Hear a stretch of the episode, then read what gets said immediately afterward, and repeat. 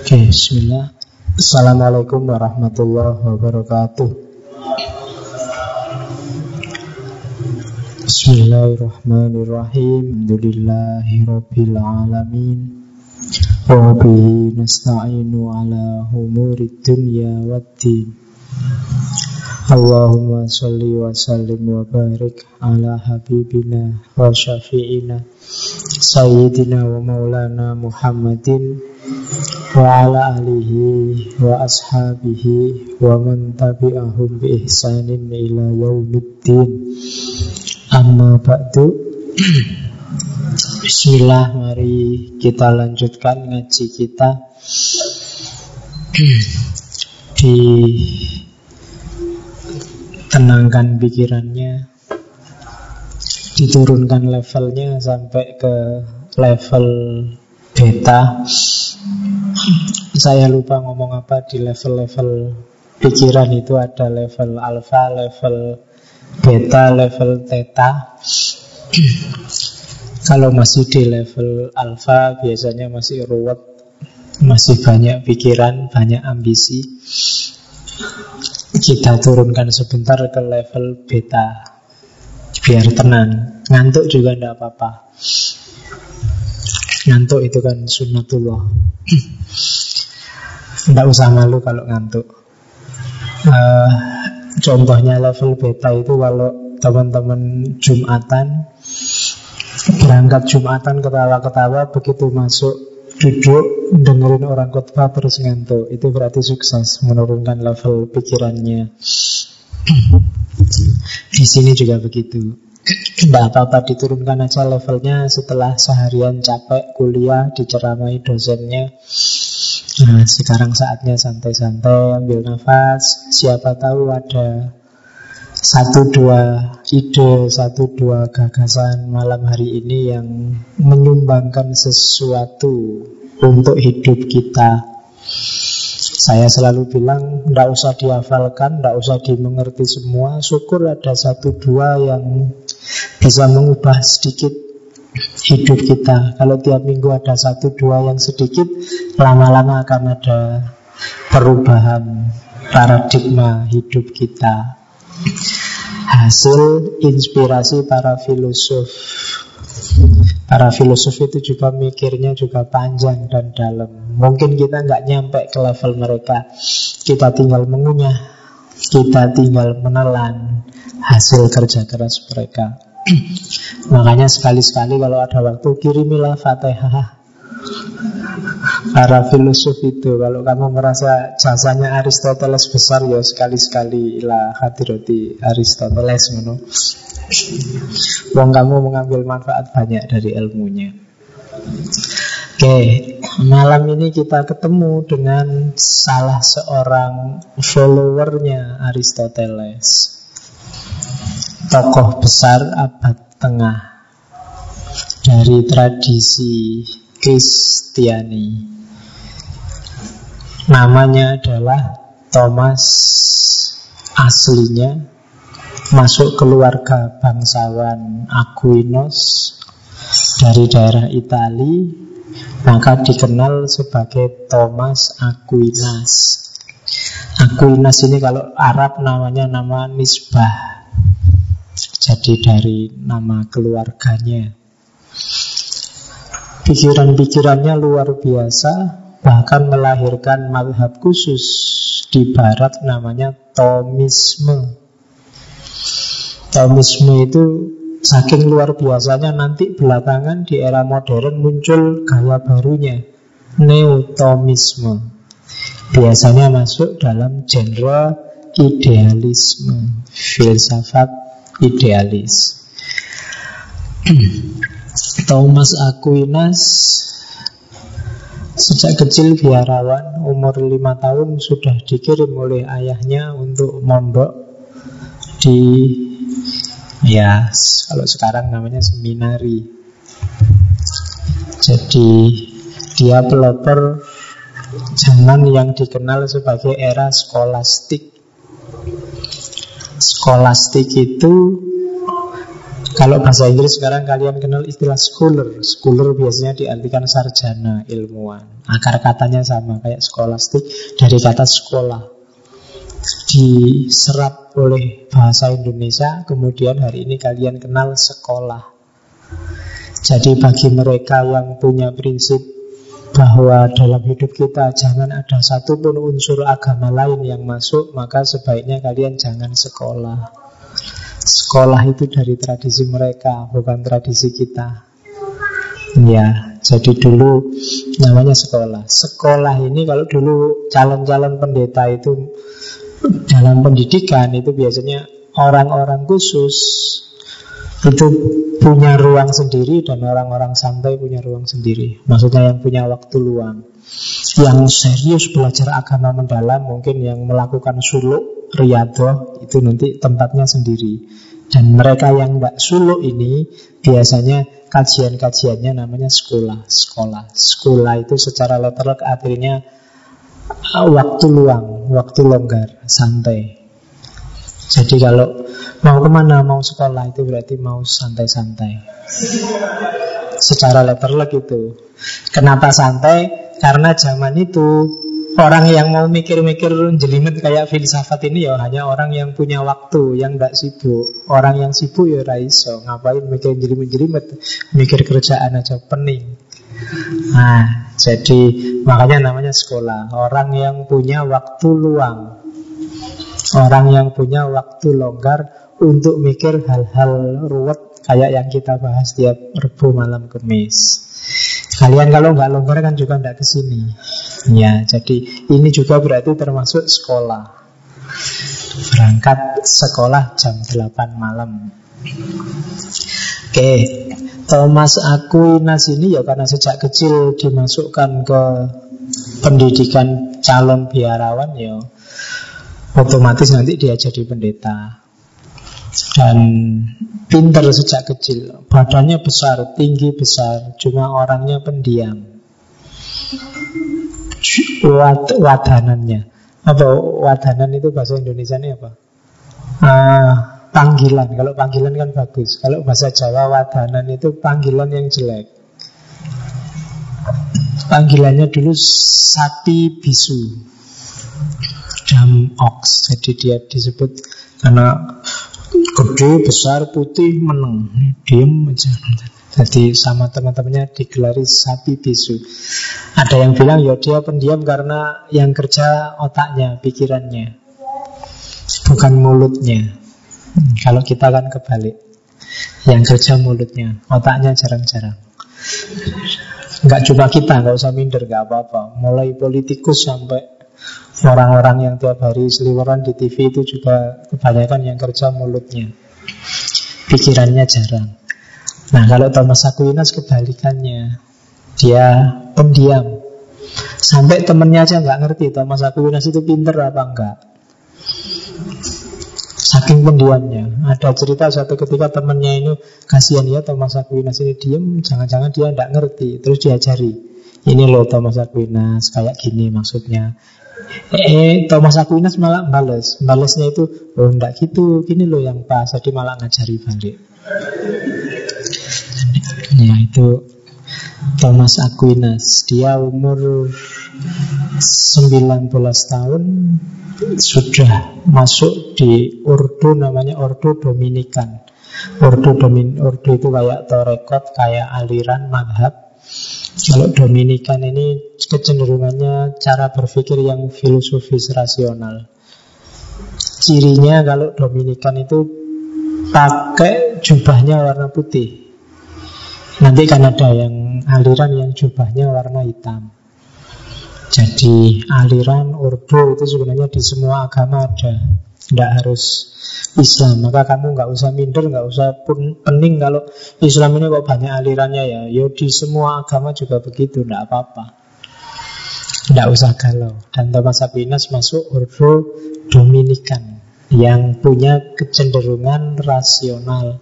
Dan nanti ulama dari ordo itu Apa ya, ulama, ya tidak apa-apa lah ulama secara harafiah Dia belajar banyak dari Albertus Magnus atau orang menyebutnya Albertus the Great itu gurunya, guru besarnya. Nanti Thomas Aquinas banyak banyak belajar dan mengajar di Universitas Paris. Ya. Jadi yang nanti jadi titik mula lahirnya Renaissance di Barat dengan Rene Descartes-nya. Dari sisi pikiran Thomas Aquinas saya bilang tadi followernya Aristoteles. Jadi Aristoteles ini nanti yang memicu lahirnya Renaissance baik di dunia Barat maupun di dunia Islam. Pikiran-pikirannya Aristoteles nanti kan pecah tiga itu. Ada tipe Bizantium, ada tipe Arab, dan tipe Latin. Kapan-kapan kita ngomong lebih banyak tentang Aristoteles. Nah, yang Thomas Aquinas ini mewarisi yang tipe Latin. Tipe Latin ini yang paling miskin sebenarnya karena yang diwarisi kebanyakan logikanya. Sementara yang lebih komprehensif nanti hidup di dunia Islam. Lebih banyak pikiran-pikiran Aristoteles yang diserap lewat terjemahan-terjemahan hampir semuanya masuk ke dunia Islam. Maka nanti tokoh-tokoh seperti Thomas Aquinas ini banyak terbantu oleh para filosof Muslim. Bagi yang jeli nanti akan melihat bahwa gayanya Thomas Aquinas dalam bernarasi itu agak mirip Ghazali. Pikiran-pikirannya cenderung dekat dengan Ibnu Rus dan pengaruh Ibnu Sina juga terasa ketika ngomong tentang Tuhan. Jadi memang ada ada saling butuh timur dan barat. Timur dan barat itu kan sering ketemu, Islam dan barat itu kan sering ketemu. Pertemuan pertama Islam barat itu ya Islam sama Yunani. Islamnya inferior, tapi dapat masukan filsafat dari Yunani. Selanjutnya Islam dan Eropa. Saat itu Islam jaya, baratnya yang inferior. Terus ketemu lagi perang habis-habisan berabad-abad perang salib. Itu tidak jelas siapa yang menang siapa yang kalah. Ketemu lagi sekarang baratnya yang jaya Islamnya yang inferior. Entah sampai kapan. Ya, ya itu tugasmu. Kalau kamu tidak sanggup ya berarti sampai besok kita inferior di depan barat jadi ceritanya memang silih berganti semacam itu oke. Apalagi ya tentang Thomas Aquinas. Sudah ya, kita langsung masuk. Kapan-kapan kita ngomong orang ini lebih panjang. Kalau malam ini agak agak terbatas ke sedikit etika dan keadilan. Pikiran-pikirannya luar biasa. Dia punya dua masterpiece, Summa Theologica dan Summa Contra Gentiles. Nulis sekitar 60-an buku, cuma umurnya tidak panjang hanya sampai 49. Ya, jadi umurnya sampai 49 tapi sudah nulis buku sampai 60. Hmm, ya, punjul berarti. Seandainya sejak lahir dia nulis itu satu tahun satu buku itu masih lebih. Ya, kalau orang besar kan begitu. Ya mungkin dia waktunya lebih longgar Karena nggak punya istri, nggak punya anak. Kalau kita nanti kan sibuk anak Mikir istri dan macam-macam. Nggak mikir THR Nggak mikir uangnya habis Uang pendeta. Karena ada tunjangannya. Kalau kamu kan masih mikir yang gitu-gitu. Oke Terus Cuma ada fase Jadi dua tahun terakhir kehidupannya Dia dapat semacam ilham bahwa semua pikiran-pikirannya itu sebenarnya tidak penting. Yang penting itu ya Tuhan. Akhirnya umur 48 dia berhenti menulis. Dan umur 49 meninggal. Berarti ya kalau tadi nulis 60 itu berarti nggak nyampe 49 sebenarnya sampai 48 saja. Itu Thomas Aquinas. Ya, meninggalnya karena sakit pendarahan otak. Karena mungkin otaknya terlalu sering dipakai sampai pendarahan kalau kalau kalian kan nganggur berarti sehat-sehat saja tenang aja. Jadi lumayan lah otak. Jarang dipakai kan lumayan jadi masih masih anu secondnya itu masih bagus masih aman. Jarang dipakai ya. Oke Bismillahirrahmanirrahim. Kita mulai belajar Thomas Aquinas. Diawali dari metodenya ya. Sedikit kapan-kapan kita ngomong panjang tentang skolastisisme, sedikit tentang metodenya. Jadi metode skolastik itu sebenarnya sama kayak ketika Islam mengalami masa kejayaan. Ketika lahir banyak ulama, ketika lahir tradisi keilmuan. Jadi basisnya sama, basisnya itu mantek logika menyimpulkan yang benar. Dan sama-sama karena agama, maka cenderung deduktif.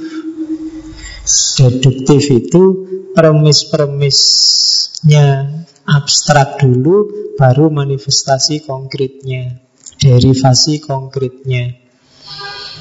Jadi teori dulu baru prakteknya itu deduktif. Kalau lihat praktek dulu baru diteorikan itu induktif. Nah, metode skolastik itu karena diawali dari akal ya cenderung deduktif. Dan basisnya, titik tolaknya itu tradisi. Sama kayak di dunia Islam. Mungkin teman-teman kenal tradisionalisme Islam. Tradisi itu berarti apa? Al-muhafadhu alal qadim. Jadi menjaga pikiran-pikiran para ulama sebelumnya. Ya kalau Kristen ya para para tokoh, para santo, orang-orang suci yang sudah ada sebelumnya. Ditafsirkan, dipahami secara rasional. Kebanyakan modelnya kalau di Islam namanya syarah yang akrab dengan tradisi pesantren pasti ngerti syarah. Bukan syarah ashari ya, bos syarah sehan ya. Jadi syarah itu penjelasan dari gagasan yang sudah ada itu namanya syarah. Kalau di Islam malah tingkatannya panjang. Ada yang penjelasan atas penjelasan. Ya kan? Hasyiah. Nanti ada penjelasan atas penjelasan atas penjelasan tiga namanya taklik itu panjang jadi kalau kalian buntu, nggak punya ide nulis buku apa ya sing enak, cari aja buku yang menarikmu, terus kasih sarah. Meskipun hari ini nggak mentradisi model syarah itu Bisa kamu hidupkan lagi. Itu gaya Islam klasik juga gaya skolastik. Cuma dia punya ciri. Cirinya apa? Asumsinya. Asumsi kenapa harus dari pikiran-pikiran yang ada sebelumnya. Yang pertama adalah kesadaran bahwa sebelum kita mikir, ndak usah gaya, sebelumnya juga banyak para tokoh, para ilmuwan, para ulama yang juga mikir.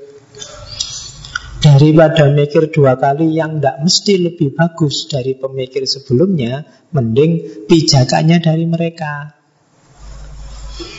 Gitu Jadi ya kayak sekarang banyak orang bilang mari kita kembali ke Al-Quran dan hadis. Iya. Tapi sebelum kita kembali sudah sangat banyak ilmuwan yang kembali duluan. Dan mereka mikir juga Dan mereka jauh lebih pinter daripada kita. Bukan berarti kita tidak boleh mikir. Ya mikir loh tapi daripada kita mikir tidak lebih bagus dari mereka, kita berangkat dari pikiran mereka. Kalau tidak cocok, kita modifikasi versi kita, kan gitu. Itu gaya skolastik, gaya mikir syarah. Yang bikin syarah itu kadang-kadang lebih pinter daripada yang disarah, ya tidak apa-apa. Karena daripada napak tilas kerja dua kali. Wong sebelumnya sudah ada orang ngomong gitu kok ngapain sih kita buang waktu mikir sendiri? Bisa kita tambahi, kita kembangkan versi kita. Itu gaya skolastik. Yang kedua, ya percayalah bahwa mereka juga orang baik-baik. Itu asumsi kedua. Pikirannya juga lurus, mereka juga punya metode, mereka juga ngaji. Hari ini kan banyak orang suudon. Bu anggap para ulama zaman dulu itu punya ambisi tuh. Punya kepentingan jelek apa kan enggak. Kalau kamu mau kembali pada Quran hadis, ya kembali ya. Tapi sadarilah bahwa para ulama zaman dulu sudah lebih duluan kembali dibandingkan kamu. Wong hidupnya juga jauh. Tapi mereka mungkin ada satu dua pikirannya yang tidak relevan lagi untuk zaman sekarang. Yo, kita boleh modifikasi. Tapi kan yang jelas kita tidak kerja dua kali. Nah itu asumsinya. Jadi asumsi kedua, ya ulama juga punya dasar, dia juga punya argumen. Dan yang ketiga, ya karena mereka juga manusia, kita juga manusia, kadang-kadang bisa salah, meskipun mensyarahi, mengomentari, ya boleh tidak setuju. Boleh tidak harus ikut.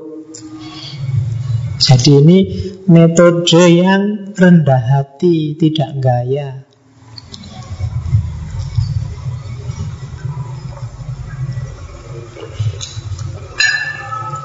Jadi mikir mikirnya itu setelah tahu oh sebelum aku ada orang mikir kayak gini loh, kayak gini loh, kayak gini loh kan gitu. Makanya yang bikin skripsi, bikin tesis kalau pas masuk subbab tinjauan pustaka itu maksudnya maksudnya bukan nyusah-nyusah kamu nyari penelitian terdahulu. Tapi jangan sampai kamu kerja dua kali untuk yang sudah dikerjakan orang. Ngapain? Kamu harus original kan itu maunya. Nah, untuk melewati ke sana, ya kamu harus baca-baca, ndak usah gaya mikir sendiri. Pikiran kita bisa jadi tidak lebih baik dari para ulama sebelum kita. Gitu loh. Oke. Jadi ini yang dilakukan oleh para syekh skolastik. Ya, tokoh-tokoh skolastik bahasa ini kan syekh, suyuh. Oke, nah secara definitif metodenya dua skolastik itu. Yang pertama namanya leksio, yang kedua namanya disputasi. Lexio itu yang saya sebut syarah tadi. Jadi apa Lexio itu? Mengomentari. Bukan cuma menjelaskan. Ya kalau ya sebelum dikomentari kan ya dijelaskan dulu, tapi tidak berhenti di penjelasan, dikomentari, disarahi, Komentar itu bisa setuju, bisa nggak setuju, bisa komplain, bisa menunjukkan relevansi macam-macam. Itu namanya leksio. Dosen itu kalau di kelas namanya ngasih lecture. Harusnya yang dilakukan mengajukan pikiran yang jadi tema, kemudian dia ngomentari, tidak cuma cerita. Pikirannya orang itu namanya lecture. Kalau di era skolastik namanya leksio. Ya, terus yang kedua, caranya ngomentari gimana? Caranya mengomentari dengan menunjukkan hal-hal konkret yang hubung-hubungan dengan teks itu. Oh yang diomongkan ini pas Karena hari ini kita lihat fakta A, B, C, D. Oh yang diomongkan ini bagus Karena cocok dengan situasi Indonesia masa kini. Oh ini nggak relevan lagi Karena situasi sudah berubah. Ya dulu begitu. Itu namanya komentar. Di era skolastik Jadi memberi keterangan, memberi penjelasan Kemudian mengomentari Oke. Terus yang pertama itu. Yang kedua cara komentari ini. Ini bagi yang mau nulis buku ini penting biar bukumu tebal. Jadi selain nyari contoh real, kalian juga bisa ngambil perspektif yang berbeda. Jadi ngomong A kalau dari perspektif ini kayak gini loh. Kalau dari perspektif itu kayak gitu. Kalau dari perspektif sana kayak gitu kan itu. Ya kayak sidangnya Jessica dari perspektif psikolog seperti itu, dari perspektif kriminolog seperti itu, dari perspektif sosiolog seperti itu. Itu multi perspektif. Itu kalau ditulis jadi buku judulnya Sianida itu bisa tebal. Sudah berpuluh-puluh kali sidang nggak selesai-selesai. Jadi tunjukkan datanya realnya kayak gimana contoh-contoh real. Yang kedua beri perspektif yang berbeda Nah itu nanti tulisanmu bisa panjang Karena biasanya kelemahan kita kan kalau nulis Sudah nulis gagasannya Sudah itu terus mati. Ini nulis apa lagi ya? Dosennya nyuruh 10 halaman Ini baru tiga sudah selesai. Ya Oke. Nah caranya Cari perspektif yang berbeda. Bahas semua Istilahnya Rumusannya macam-macam. Itu cara kedua. Namanya leksio tetap yang ketiga, bahas juga kontroversi-kontroversinya yang berbeda. Dalam segala isu kan ada pandangan pro, ada pandangan kontra. Itu ajukan juga. Bahas juga. Nah, itu yang keempat. Cara leksio ini karena harus kritis dan teliti biasanya diberikan di pagi hari di era skolastik itu loh ya di sekolahnya Thomas Aquinas.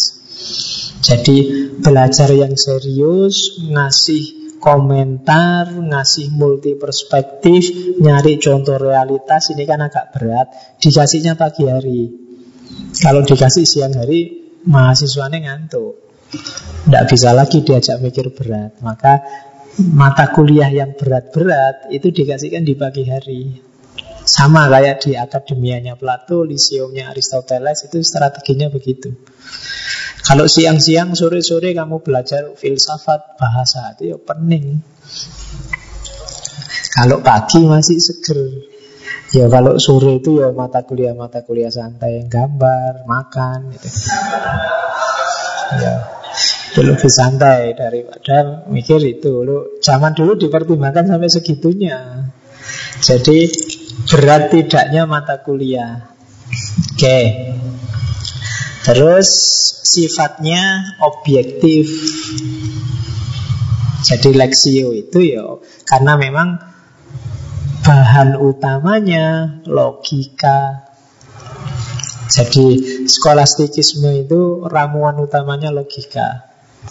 Ya sama sih kayak Islam Islam awalnya itu pakai logikanya Aristoteles yang dikenal sebagai mantek, termasuk usul fikih, ulumul Quran dan lain-lain. Nah, metode ini namanya metode leksio. Yang kedua, metode skolastik itu ada istilah disputasio. Ini kalau bahasa Arab namanya jadal, debat. Kalau di kelas mungkin diskusi. Jadi ada leksio, ada disputasio. Disputasio itu tahapan-tahapannya ada empat. Quaesio, videtur solusio, sumarium, dan determinasio. Itu. Bahasa Latin kabeh. Ya, kamu tidak ngerti nggak apa-apa, nggak masalah. ya, mau bahasa Indonesia saja kamu juga ya kadang bingung.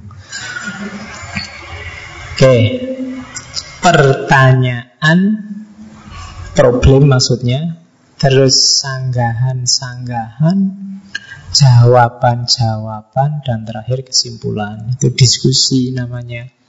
Jangan sampai kamu diskusi problemnya tidak jelas. Sering kan kamu gegeran Sudah ngomong lama terus Sik ini problemnya apa? Tidak tahu. Kok tiba-tiba ngomong ke utara ke selatan Tidak jelas problemnya. Itu namanya bukan disputasio Harus jelas dulu ya. Kayak kamu nulis skripsi ya, Rumusan masalahnya harus jelas dulu. Apa sih yang ingin kamu jawab?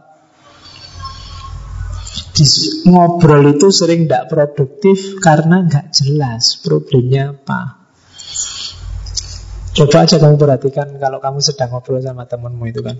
Habis ngomong lalu lintas, terus ngomong dosen telat, terus ngomong mahasiswi masuk WC, terus ngomong macem-macem. Nggak jelas. Hasilnya juga nggak ada, ya problemnya nggak jelas. Maka syarat pertama adalah ada problem. Koisio ya, Biasanya kalau di kelas ya dosennya ngasih masalah Oke. Terus Baru setelah itu Silakan kasih alternatif-alternatif jawaban.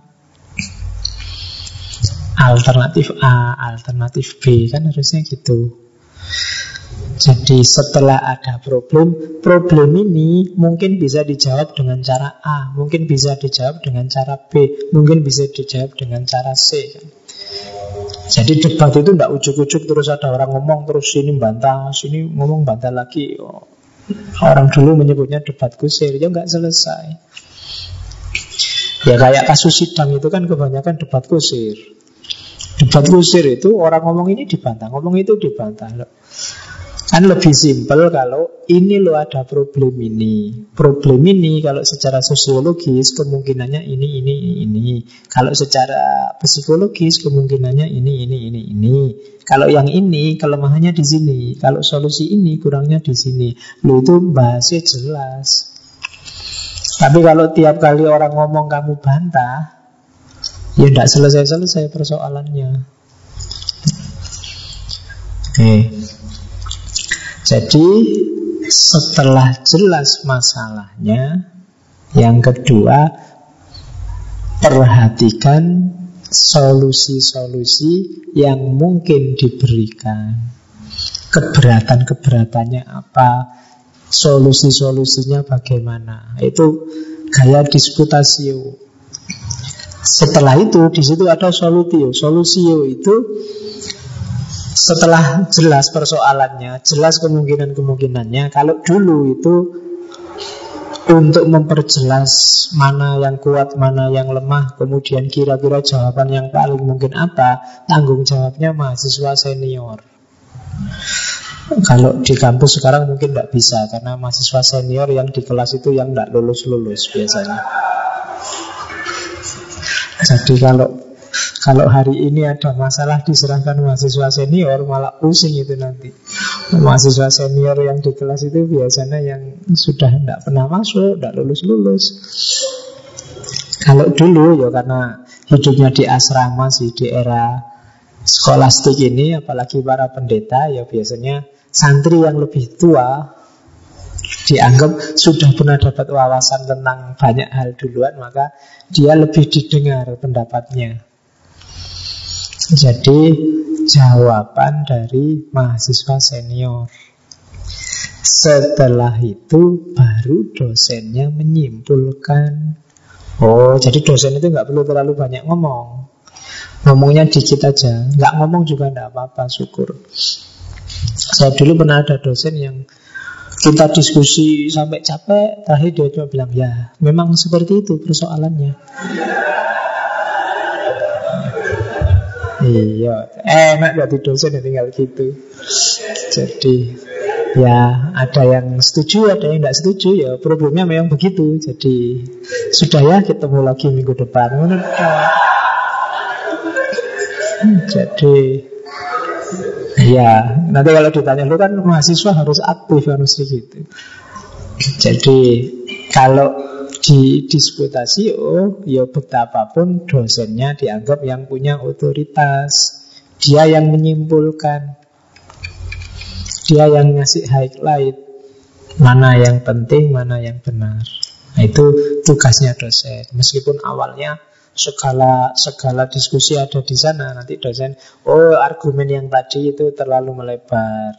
Oh yang ini terlalu ke sana. Harusnya ke sini yang kamu omongkan. Harusnya itu tugasnya dosen kalau dosennya cuma nonton orang diskusi, oh, nanti tidak ada gunanya dia di situ. Ya, zaman saya kuliah macam-macam. Ada dosen yang masuk hanya dikte, bawa buku terus didiktekan. Sekarang mungkin nggak ada. Kalau zaman saya kuliah masih ada. Dulu teman saya sampai ada yang angkat tangan, Pak, daripada bapak capek, saya aja yang bacain, Pak. Ada yang gitu. Ada dulu yang sampai kayak gitu. Karena dia gangannya Di fotokopi tidak boleh pokoknya. Itu buku catatan Mungkin buku pusaka sejak zaman Dia kuliah. Jadi harus itu dibacakan di dikte nah, Itu zaman dulu ada. Cuma kan Dulu belajar itu kan nggak nyari anunya nggak nyari gimana paham nyari barokahnya gurunya. Jadi biar aja nggak apa-apa. Oke itu disputasi yo. Jadi ada mau ini kalau di Islam mungkin namanya model jidal debat meskipun tidak debat seperti ILC atau ILK jadi debatnya debat yang ilmiah itu namanya disputasi Terus kita masuk ke asumsinya. Jadi ini asumsi menuju etikanya. Nanti dari etika kita ngomong keadilan.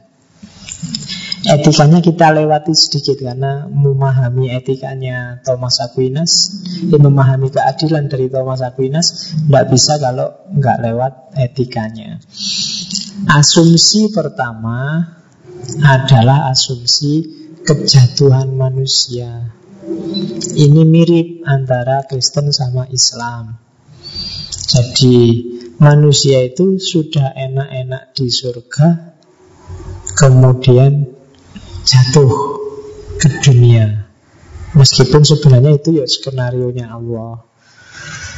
Jadi karena Adam ini berdosa, sudah dibilang-bilang jangan deket-deket sama pohon itu, malah dideketi. Dan akhirnya dia jatuh Orang Indonesia kan 32 tahun dekat sekali sama pohon itu Akhirnya jatuh 98 itu Jadi Adam juga punya dosa itu Jadi dia mendekati pohon bahkan makan buahnya Saya tidak tahu buah apa itu Juga pohon apa Yang jelas ada yang bilang itu itu gara-gara dirayu hawa itu itu yang dikritik habis-habisan oleh kelompok feminis. Ya, seandainya memang dirayu sebenarnya ya tidak harus anu merendahkan perempuan. Jangan-jangan malah merendahkan laki-laki karena betapa bodohnya laki-laki mau dirayu oleh perempuan. Ya kan? Bisa begitu juga. Betapa pinternya perempuan yang bisa merayu laki-laki. Jadi kejatuhan Adam ke bumi ini kan kejatuhan rasnya manusia dari ras surga sekarang jadi ras bumi. Nah, cuma katanya Thomas Aquinas, iyalah manusia secara ras waktu itu jatuh, tapi manusia dikasih bekal yang luar biasa yang tidak ada di semua makhluk yang lain, yaitu akal. Dan ini meskipun saat itu rasnya manusia jatuh, tapi di bumi manusia adalah ras nomor satu. Kenapa? Karena dia masih punya akal, rasio. Dan dengan bekal akal inilah manusia nantinya akan hidup. Cukup untuk dia hidup di muka bumi. Nah, dan akal inilah nanti yang membawa manusia kepada kebaikan.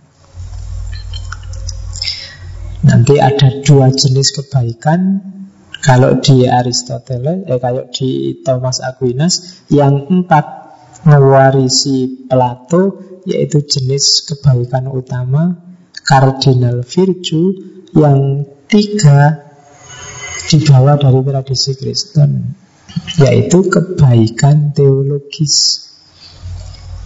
Kebaikan utama itu prudent, justice, temperance, dan fortitude. Kebaikan teologis ada tiga, faith, hope, and love. Iman, harapan, dan cinta. Kita lihat satu-satu ya. Cardinal virtue ada empat, prudence, tolerance, fortitude, dan justice. Jadi dengan akalnya manusia paling tidak akan bisa menemukan empat kebaikan untuk dia bisa bertahan hidup di muka bumi. Empat ini warisannya Aristoteles. Disetujui semua oleh Aquinas, meskipun nanti ditambahi kebaikan dari agama-agama. Yang pertama prudence. Yang istilah ini nanti dipakai oleh ano, ya asuransi. Ya, prudensia. Ada yang jadi anggota di sini? Ya, itu warisannya Aristoteles itu. Jadi prudent ini mirip kayak wisdom, kebijaksanaan. Jadi kemampuan berpikir untuk memutuskan sesuatu. Ini enaknya saya hadir ngaji apa enggak ya? Mana yang lebih bermoral? Itu prudent yang main. Untuk hidup kamu butuh ini. Kalau nggak punya kemampuan ini, hidupmu kacau balau. Ini harusnya masuk sekolah, masuk kuliah apa bolos ya? Nah, itu prudence, kebijaksanaanmu yang bunyi. Enaknya makan sebelum ngaji apa setelah ngaji ya? Itu prudence. Ini enaknya minum apa enggak minum ya? Itu prudent juga.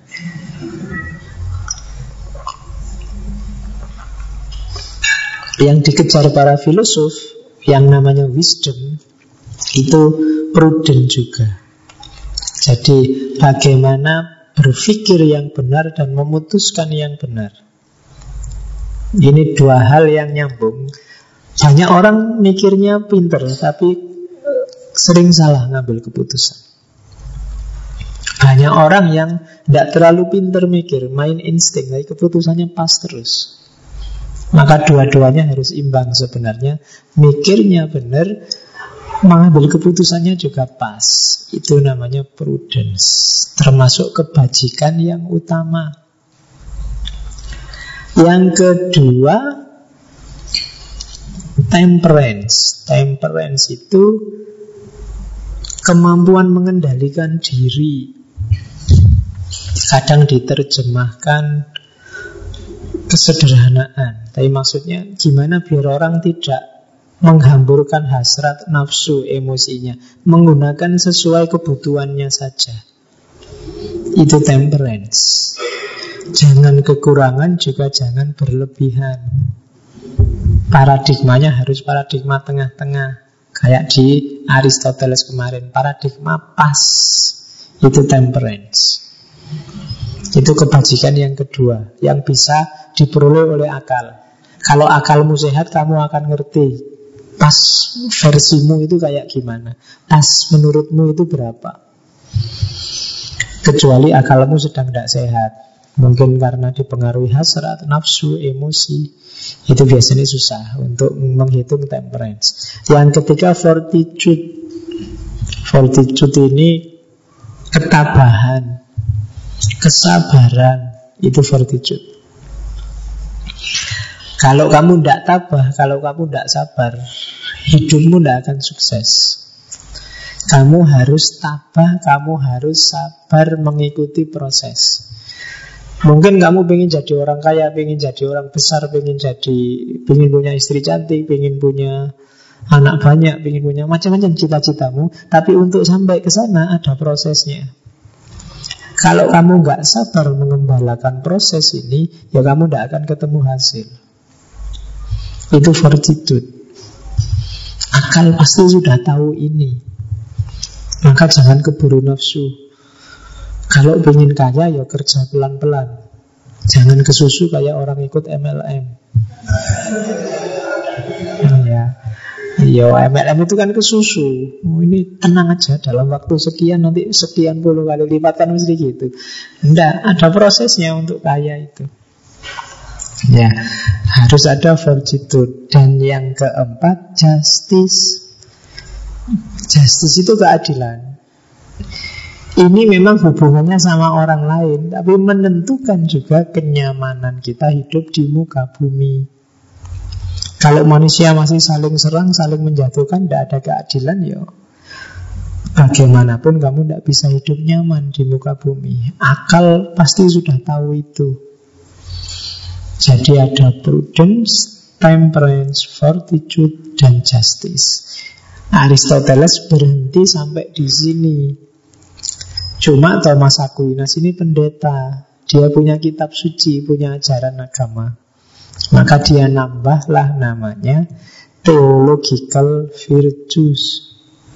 Kebajikan teologis, kebajikan agama. Nyawanya tiga katanya Thomas Aquinas Kebajikan agama itu Yang pertama faith Itu ya God self-revealing action Tindakan-tindakan sesuai dengan keinginan Tuhan. Itu namanya keimanan. Disuruh kurban ya kurban Disuruh puasa ya puasa. Disuruh sholat ya sholat. Itu basisnya pasti faith. Percaya sama Allah. Wong kita beragama Katanya Thomas Aquinas. Jadi formalnya ya kita harus beriman Di atas iman ada hope Harapan Ngapain sih tadi pakai fit segala, pakai sholat, pakai zakat, pakai puasa. Karena kita berharap selalu dekat sama Tuhan. Ngapain harus dekat sama Tuhan? Luang hidup kita ini yang punya skenario Tuhan. Adanya kita tergantung dia. Dia wajibul wujud, kita mungkinul wujud kita punya keinginan apa pun pasti tidak bisa mengalahkan keinginannya Tuhan. Maka hidup yang paling nyaman adalah keinginan kita sama dengan keinginannya Tuhan. Maka terus berharap untuk kita bisa dekat sama Allah itu namanya hope. Kalau kita dekat sama Allah kan enak. Hidup lebih nyaman. Karena dunia seisinya itu ada di tangan Allah. Kamu boleh bilang saya tidak butuh dunia. Saya hanya maunya sama Allah. Itu boleh Karena begitu kamu dapat Allah Kamu dapat segalanya. Dunia seisinya ada di tanganmu. Jadi ini semacam Apa ya Semacam cermin Logika cermin. Jadi Sufi itu meninggalkan dunia demi Allah. Tapi begitu dia dapat Allah, dia sudah dapat otomatis dunia dan seisinya ya sesuai dengan visinya seorang sufi. Nah, hubungan yang dekat sama Allah itu paling indah kalau basisnya adalah cinta, love. Ketika itu cinta, tidak ada beban membebani, tidak ada kewajiban saling wajib mewajibkan, berat memberatkan. Cinta itu kan begitu. Kamu suka rela. Sholat tidak karena kamu dipaksa untuk sholat, diwajibkan untuk sholat. Tapi kamu butuh, bahkan bukan butuh, karena yang menyuruhmu adalah yang kamu cintai. Cinta itu kan begitu. Kalau kamu sama pacarmu disuruh nanti jam setengah tujuh pas jemput aku loh ya. Yo kamu jemput. Tidak mengeluh, tidak apa-apa. Malah kadang-kadang gak disuruh jemput pun kamu SMS, gimana tak jemput loh. Ya kan? Itu cinta. Ketika seseorang cinta, kedekatannya lebih nyaman. Tadi kan kamu menginginkan dekat sama Allah. Nah, basisnya yang ketiga, basis cinta. Kalau basisnya cinta, tidak disuruh, tidak dipaksa mendekat pun kamu mendekat sendiri. Yang ada di pikiranmu hanya yang kamu cintai. Hanya Allah. Kenapa kok itu nggak bisa pak? Saya juga ingin kayak gitu pak. Kok nggak bisa? Berarti kamu belum jatuh cinta sama Allah. Kalau kamu sudah jatuh cinta, tidak usah disuruh. Otomatis yang terbayang hanya dia Jatuh cinta kan begitu Makan ingat dia, tidur ingat dia. Belahlah dadaku. Gunungku mai, lautanku seberangi. Kan itu jatuh cinta. Ke mana-mana nggak lihat apa-apa. Makanya para sufi itu lihat apa pun di sekeliling Yang terlihat hanya Allah. Kayak kamu punya pacar Jalan-jalan di mall, lihat baju bagus. Ah, pacarku kalau pakai ini bagus mesti Makan enak, wah ini kalau makan bareng pacarku lebih enak ini. Selalu begitu, yang ada di pikiranmu hanya dia. Kok tidak bisa begitu, berarti kamu belum jatuh cinta sama Allah. Nah, cinta pada Allah ini jadikan basis moralitas. untuk kamu berhubungan dengan manusia yang lain. Ketika kamu cinta pada Allah, berarti semua makhluk sekelilingmu wajib juga kamu cintai karena semuanya adalah cerminannya Allah. Dalam dirimu kulihat Tuhan, dalam tumbuhan kulihat Tuhan, keluar lihat semua fenomena yang ada hanya Tuhan. Karena Tuhan aku cintai, otomatis semua aku cintai. Tidak ada kebencian. Jadi basisnya charity atau love. Cinta sesama. Cinta sesama berawal dari cinta ketuhanan. Ini modus mistisnya para sufi. Bahkan terhadap yang harusnya kamu benci pun kamu cintai. Mencintai itu juga tidak harus Misalnya yang kamu cintai salah kan kamu juga mengingatkan. Kenapa kamu ingatkan? Karena kamu cinta padanya, bukan kamu benci padanya. Kayak pacarmu mau nyebrang jalan, tidak lihat-lihat kan kamu tarik dia. Mungkin kamu tarik dia sakit, tapi untuk keselamatan dia, karena kamu cinta padanya. Jadi kalau kamu ngingetin orang yang kamu anggap salah, mungkin memarahi temanmu yang kamu anggap berdosa, bukan karena kamu benci, tapi karena kamu cinta padanya. Nah, ini, ini modus hidup gaya Thomas Aquinas, termasuk theological virtues, kebajikan teologis.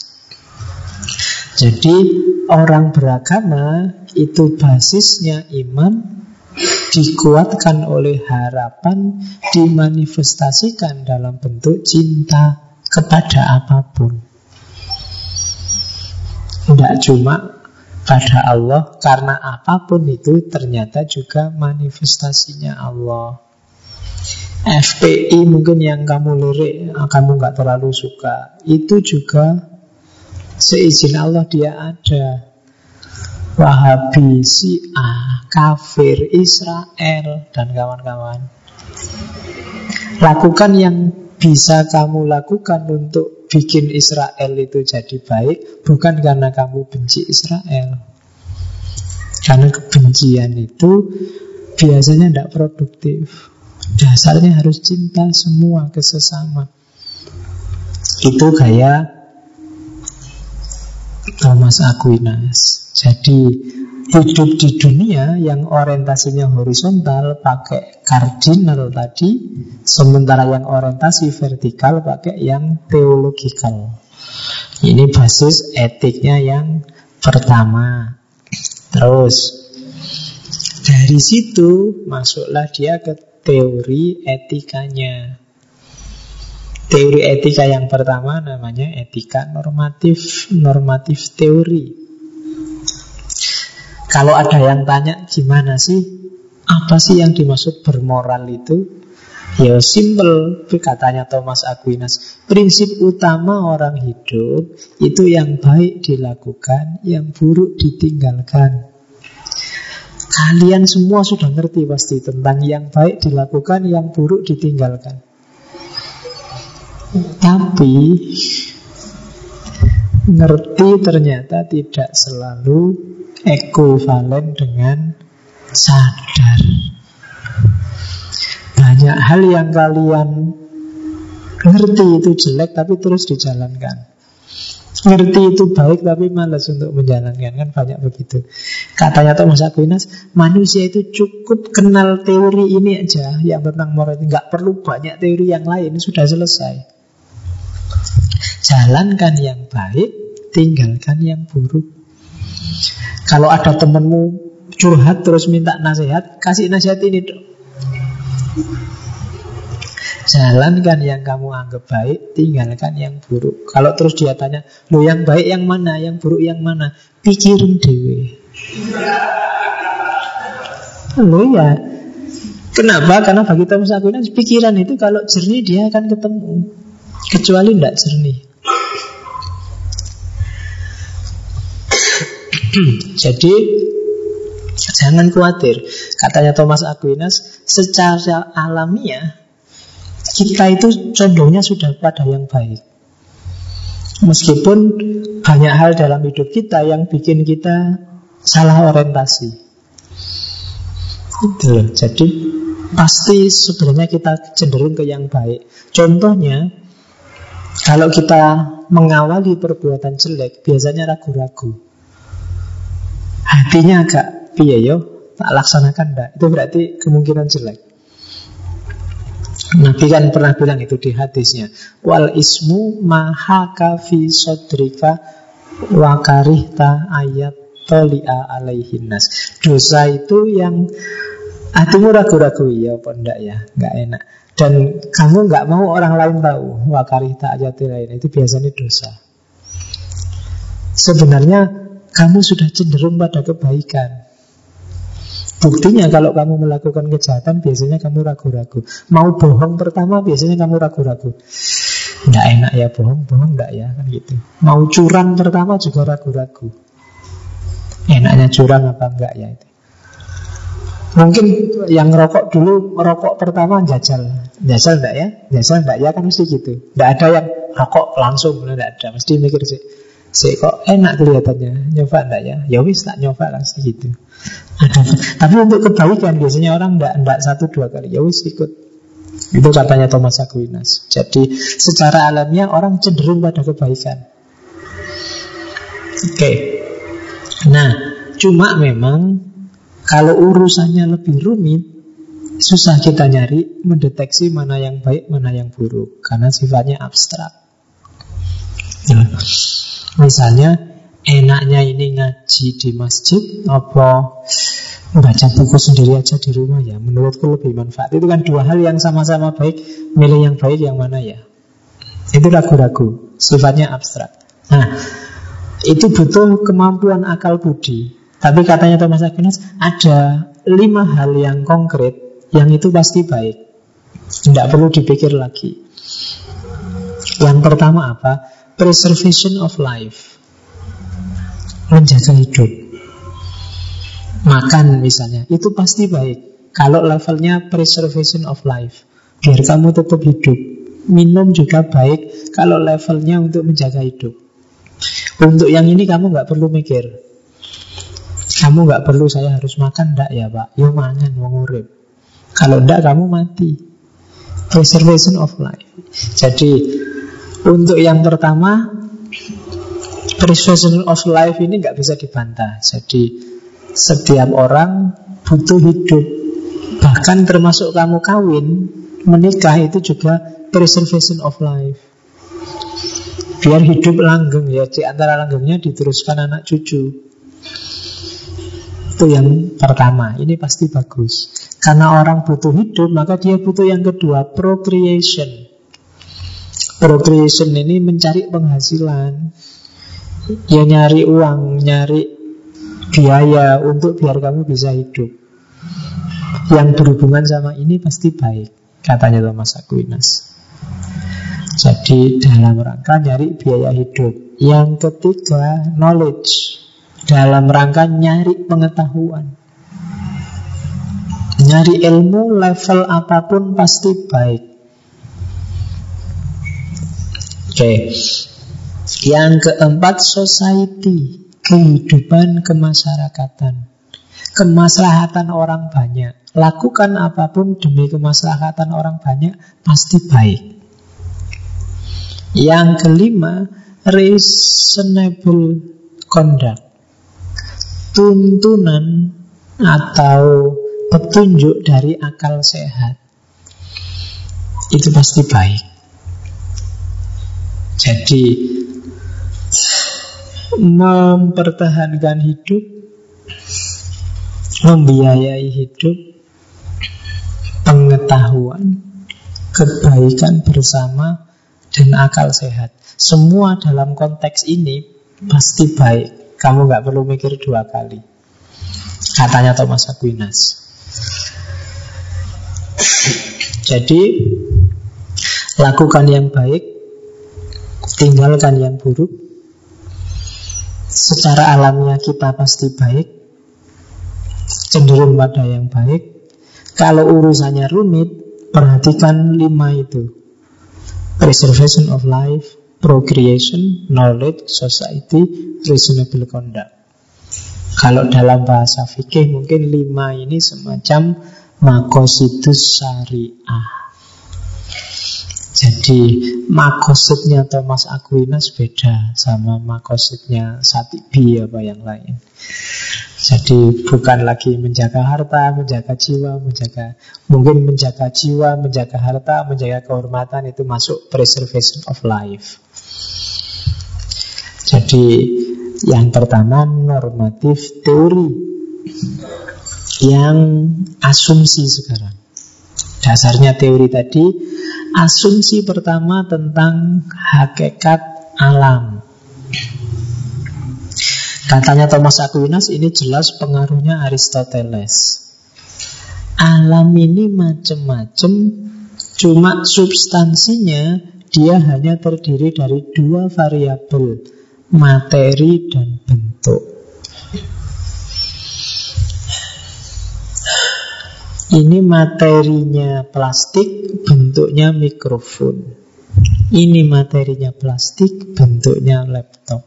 Metal and foam. Nah, termasuk manusia. Manusia itu meternya daging, darah, dan fisikmu itu formnya jiwamu. Bentuknya jiwamu. Ini meternya kayu, bentuknya bangku. Kalau kamu meternya jasad, bentuknya rohani jiwa. Jadi hakikat alam semesta seluruhnya itu matter and form. Cuma itu hakikat yang pertama. Hakikat yang kedua, alam semesta ini hierarkis. Kalau di Thomas Aquinas nanti hierarkinya dimulai dari ketiadaan, naik sedikit lumpur, dia ngomong mut-mut itu dunia tanah berlumpur, di atas itu ada bebatuan, di atas itu ada tumbuh-tumbuhan, di atas itu ada hewan, di atas itu ada manusia, di atas manusia ada malaikat, di atas malaikat ada Tuhan. Seperti Thomas Aquinas dia bilang setiap level ini ada tujuannya. Dan tujuannya biasanya mengarah untuk kepentingan yang lebih tinggi.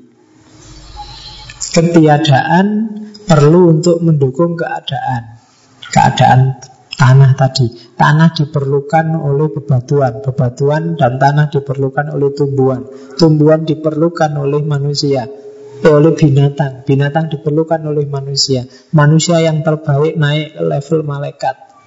Lebih puncak lagi naik ke level budi ilahi, ketuhanan. Jadi levelnya hierarkis. Jadi realitas itu hierarkis. Rumput dibutuhkan oleh binatang untuk hidup, nanti binatang dibutuhkan oleh manusia. Manusia nanti bisa naik kelas jadi malaikat, bisa naik kelas lagi jadi Tuhan dalam tanda petik. Ini levelnya realitas. Ke bawah juga begitu. Dan pandangan semacam ini perhatikan pengaruh Al-Farabi di situ, pengaruh teori emanasi dari Islam. Yang Farabi juga terinspirasi oleh cara berpikir Neoplatonik. Neoplatonik mewarisi dari Plato.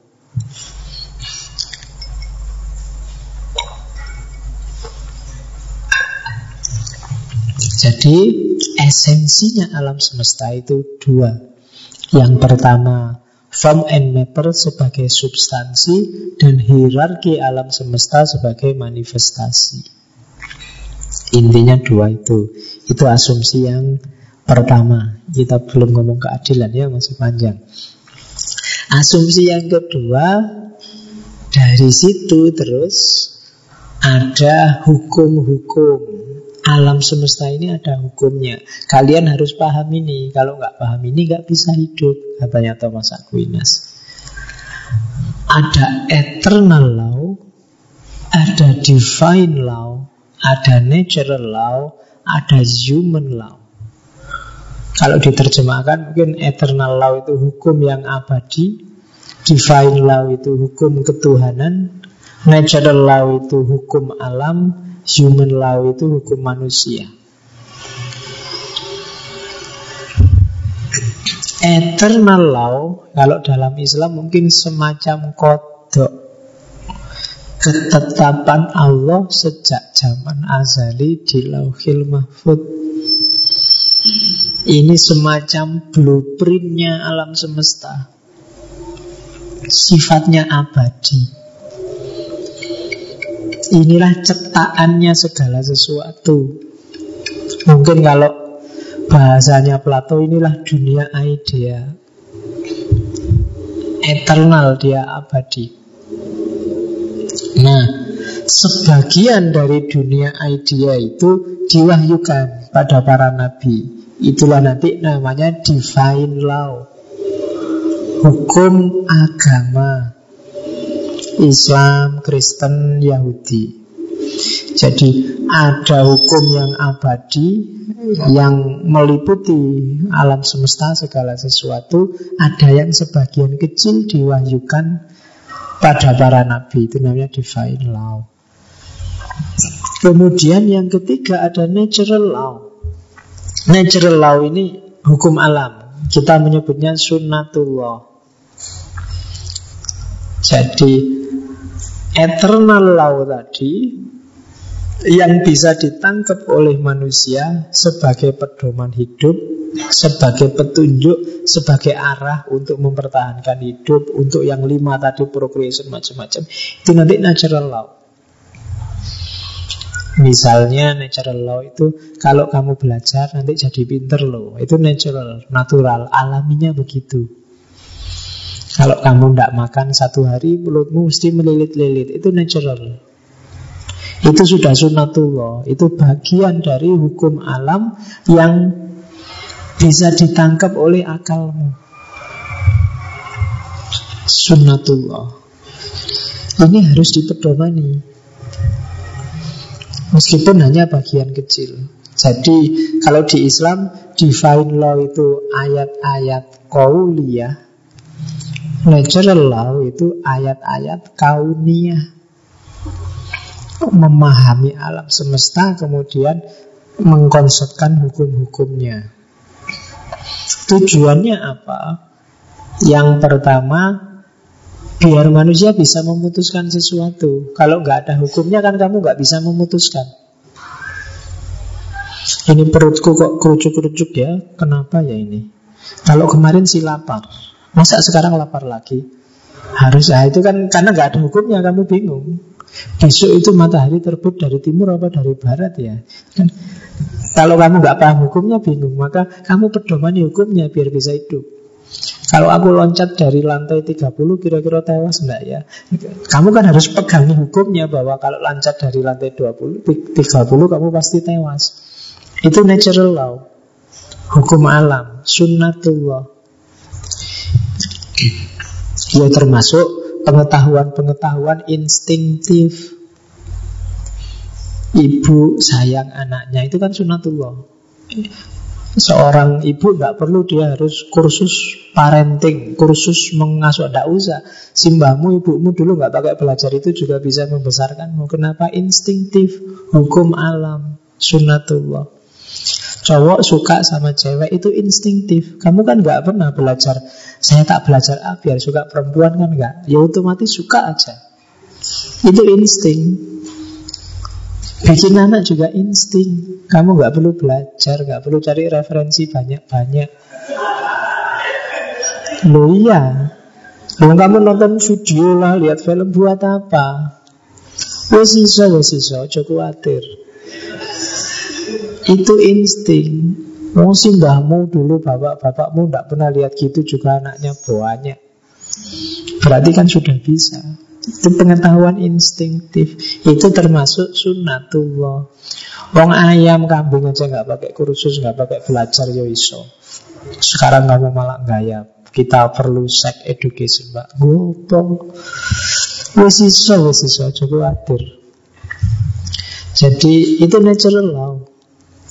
Tujuannya apa? Kalau kamu ngerti hukumnya, ngambil keputusannya enak. Oh iya, Pak. Saya itu laki-laki, Pak. Hukumnya biasanya ya sukanya perempuan, berarti saya harus kawin sama perempuan. Ya kecuali yang tidak normal. Jadi sunatullah itu namanya. Pedoman untukmu mengambil keputusan. Yang kedua, pedoman untuk kita merumuskan human law, hukum manusia, undang-undang, adat, tradisi, hukum positif itu human law. Hukumnya manusia. Jadi termasuk yang tentang keadilan. Itu human law. Jadi kalau di Thomas Aquinas ini sifatnya hierarkis.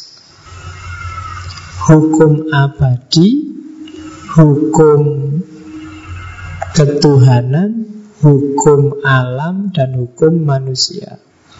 Hukum yang abadi itu sebagian kecil diwahyukan pada para nabi, sebagian kecil dikonstruksi yang bisa dipahami oleh akalnya manusia dan dari dari yang pemahaman akal manusia ini lahirlah hukum manusia.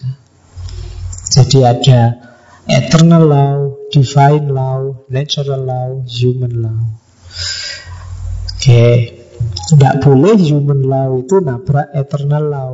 Misalnya bikin hukum yang melanggar sunatullah, dilarang kawin, nah itu tidak boleh. Kalau dilarang nikah mungkin bisa, kalau dilarang kawin kan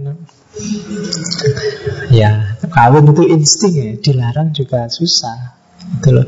Misalnya ada undang-undang ibu tidak boleh loh ya terlalu sayang pada anaknya ya tidak bisa. Wong itu insting. Tidak bisa nabrak atasnya. Oke. Terus. Nah, sebelum menuju keadilan, perhatikan gerak from natural reason to natural law. Di natural law tadi ada Tadi kan natural law itu eternal law, hukum abadi yang bisa dipahami oleh akal. Berarti yang penting sekarang ada dua, yaitu natural reason dan natural law. Jadi yang pertama katanya Thomas Aquinas untuk hukum-hukum tadi jalan, perhatikan akalmu juga harus jalan. Pikirannya harus rasional. Jangan khawatir, katanya Thomas Aquinas. Allah ngasih kita akal itu sudah pas, sudah cukup untuk hidup kita di muka bumi. Jangan tidak dipakai, juga jangan diragukan. Pas-pas, enggak. Semua problemmu bisa diselesaikan oleh akal. Allah sudah mengaturnya semacam itu. Kecuali kamu nggak mau pakai. Asal kamu pakai bisa. Mungkin ada orang, Pak tapi akal kan ada batasnya, iya. Dan batasnya itu berarti kamu belum butuh itu. Misalnya kamu mikir mentok, mentokmu itu masih bisa kok. Yang tidak terbongkar oleh akalmu itu masih bisa untuk kamu bekal hidup di muka bumi ini. Akal mungkin mentok kalau ada pertanyaan berapa angka paling besar itu kan akal tidak bisa jawab. Saka paling besar itu tidak bisa jawab. Tapi tidak apa-apa kamu nggak bisa jawab itu juga masih bisa hidup. Di muka bumi itu loh maksudnya. Angka paling kecil berapa? Tidak bisa jawab, tidak apa-apa. Kamu masih bisa hidup di muka bumi. Pak saya susah pak untuk memastikan. Itu pohon apa yang di dekati oleh Nabi Adam kemudian buahnya diambil itu. Para ulama berselisih pendapat. Susah saya, benarnya pasnya kayak gimana? Kamu nggak tahu itu juga tidak apa-apa kalau akalmu nggak nyampe. Tapi meskipun kamu nggak tahu itu, kamu masih tetap bisa hidup di muka bumi. Jadi akalmu itu sudah pas untuk kamu menjalani hidup. Asal jernih. Bahwa banyak yang misteri, ya tidak apa-apa. Sekalipun yang misteri itu tidak terbongkar, hidupmu masih aman dan lancar. Itu maunya. Yang kedua, dengan akal manusia bisa menemukan kebaikan dirinya. Beda sama binatang. Kalau binatang cukup insting, kalau manusia tidak cukup hanya insting. Makanya tadi kan sekedar hubungan seks diteorikan luar biasa. Misalnya di India melahirkan Kama Sutra. Loh, itu manusia yang bisa kayak gitu, kreasi akalnya. Orang berhubungan bisa sekian puluh posisi. Itu manusia, binatang tidak bisa. Ya kan? Anjing, kucing itu ya sejak zaman dulu sampai sekarang kayak gitu posenya. Kalau manusia iso macam-macam, kenapa ada akalnya?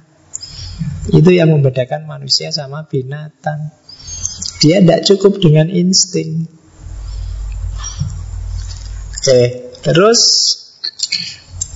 Nah, jadi akalnya jernih, maka natural law akan bisa ditangkap. Kalau natural, natural law ditangkap dan manusia setia dengan natural law, yang terjadi adalah kebaikan. Karena natural law ini sumbernya eternal law, yang pasti nggak tabrakan sama divine law, karena sumbernya sama. Jadi nanti arahnya agama sama akal itu tidak mungkin tabrakan, wong sumbernya sama, yaitu eternal law, hukum abadi. Nah, dari situ terus lahirlah kebaikan etis. Gimana caranya kita hidup yang baik tadi? Yang dari naturalism menuju natural law Muncullah teori tiga level pemahaman etis Yang pertama Synderesis Yang kedua prudensia Dan yang ketiga knowledge Orang akan hidup baik Prinsip pertama adalah sadar. Sadar yang baik dicari, yang buruk harus dihindari. Ini yang pertama. Yang kedua, mampu mengambil keputusan. Tidak ragu-ragu. Untuk bisa mampu mengambil keputusan Dia harus punya pengetahuan. Jadi ini level untuk hidup yang etis, untuk pemahaman etis, kita harus punya pengetahuan yang cukup. Dengan pengetahuan yang cukup, kita punya kesadaran. Dengan pengetahuan dan kesadaran, kita bisa mengambil keputusan yang pas. Kita tahu mana baik, mana buruk. Kita sadar bahwa yang baik harus dilakukan, yang jelek ditinggalkan, dan kita mampu untuk milih yang baik dan meninggalkan yang jelek. Kalau bisa melakukan tiga ini, hidup kita berarti sudah hidup yang etis, hidup yang bermoral. Ya kalau diteorikan sederhana, cuma kalau dipraktekkan agak berat. Teorinya kan enak, ikuti yang baik, tinggalkan yang buruk. Tapi begitu dipraktekkan kompleks sekali dalam realitasnya. Ya tinggal kamu sendiri, pinter-pinterlah tadi, punyalah kemampuan knowledge dan prudensial. Baru kamu sadar. Jadi from natural reason to natural wow. Nah, terakhir sebagai asumsi kebaikan yang sifatnya universal, yang basisnya natural law tadi, itu tergantung pencerapan nalar kita. Jadi, sejauh mana akalmu jernih, semakin kamu ketemu dengan kebaikan. Kalau kamu bingung memutuskan Thomas Aquinas ngasih saran cara paling ini kayak Aristoteles minggu lalu, cara paling mudah untuk jadi orang baik adalah niru orang yang sudah baik. Tirulah orang yang sudah soleh. Cara untuk jadi orang soleh paling simple. Tirulah orang yang sudah baik, maka kamu jadi orang baik. Semakin lama kamu niru, semakin tiruan ini jadi habit, jadi kebiasaan. Kalau sudah terbiasa, dia akan tertanam dari dirimu, lahirlah akhlak namanya. Lahirlah moralitasmu. Jadi kebaikan dalam kenyataan itu susah diprediksi, khususnya bagi yang sulit untuk mengelola nalarnya. Cara mudah yang pertama, yang paling gampang adalah mengimitasi orang baik. Yo asal kamu jangan keliru milih orang baiknya. Kalau keliru kamu bisa ketemu paranormal kayak Gatot, kayak ya kamu mengimitasi dia malah kacau. Harus pas nyari benchmarknya, awas keliru. Cara paling gampang. Kalau kamu merasa tidak sanggup pak. Saya mikir sendiri milih yang baik mana, ya carilah orang yang kamu anggap baik. Saya pingin kayak gitu pak, bagus tidak apa-apa. Lama-lama kamu niru, tiruanmu jadi milikmu nanti. Namanya jadi habit kebiasaan. Nah termasuk yang habit itu kebajikan intelektual dan kebajikan moral. Ini persis kayak Aristoteles minggu lalu, saya tidak akan ngulang penjelasannya.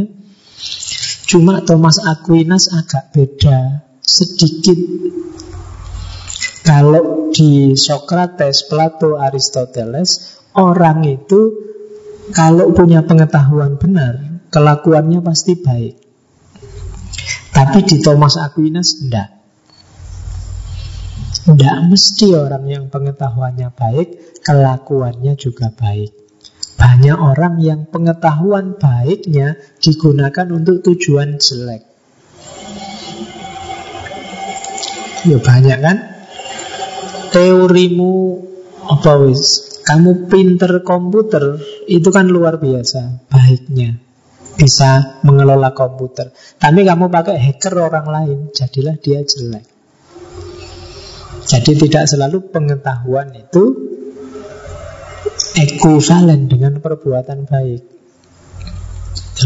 Banyak orang yang misalnya ramah pada orang lain itu baik. Tapi ada orang yang menggunakan ramah ini untuk kepentingan yang jelek. Misalnya untuk cari muka. Misalnya untuk pencitraan. Nah itu kan berarti pengetahuan baik tapi digunakan untuk hal yang jelek. Oke, jadi bedanya di situ sama Aristoteles. Cuma secara umum sama, ada kebajikan intelektual, ada kebajikan moral. Nah, praksis kebajikan moral yang paling jelas itu keadilan.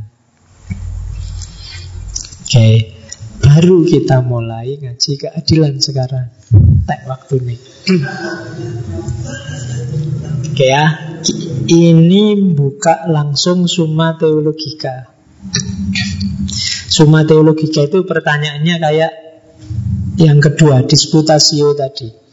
Tanya jawab. Tanya jawab Modelnya gitu Oke kita lihat Apa sih keadilan itu Katanya Thomas Aquinas Justice is a habit Keadilan itu habit Jangan salah Orang disebut adil kalau sudah muncul habit adil dalam dirinya. Tidak bisa serta-merta. Nggak bisa ujuk-ujuk. Dari kejem terus sekarang saya adil ah Berarti aku sekarang orang yang adil. Enggak Dia habit Jadi harus ditanamkan terus menerus Itu catatan pertama. Catatan kedua Keadilan ini Manifestasinya berkaitan dengan orang lain. Banyak kebaikan Bahkan mungkin sebagian besar kebajikan moral Itu urusanmu sendiri. Jujur itu urusanmu sendiri. Meski nggak ada hubungannya sama orang lain. Kamu ramah itu urusanmu sendiri. Penyayang itu urusanmu sendiri Meskipun yang disayangi orang lain Tapi kalau dampaknya ke dirimu sendiri. Tapi kalau adil itu mau tidak mau Harus melibatkan orang lain. Dampaknya Itu catatan kedua. Yang ketiga kebaikan yang namanya adil ini tadi. Kebaikan yang jenisnya lengkap. Individual sekaligus politik. Sekaligus sosial orangnya adil sebagai habit dan hubungannya dengan masyarakat sekelilingnya. Berarti hubungannya sama dunia politik. Nah, di Summa Theologica Thomas Aquinas mendefinisikan justice is to render to each on his due by a constant and perpetual will. Terjemahnya, keadilan adalah keinginan yang terus-menerus dan abadi itu tak balik untuk senantiasa memberikan kepada setiap orang apa yang menjadi haknya. Simpelnya itu. Detailnya ini. Apa sih keinginan terus-menerus itu? Gini loh katanya Thomas Aquinas. Jadi setiap tindakan kan ada tujuannya. Ya kan? Berarti keinginan terus-menerus itu dalam diri kita setiap kali melakukan sesuatu targetkan terus-menerus tujuannya adalah adil. Adil itu proporsional pas.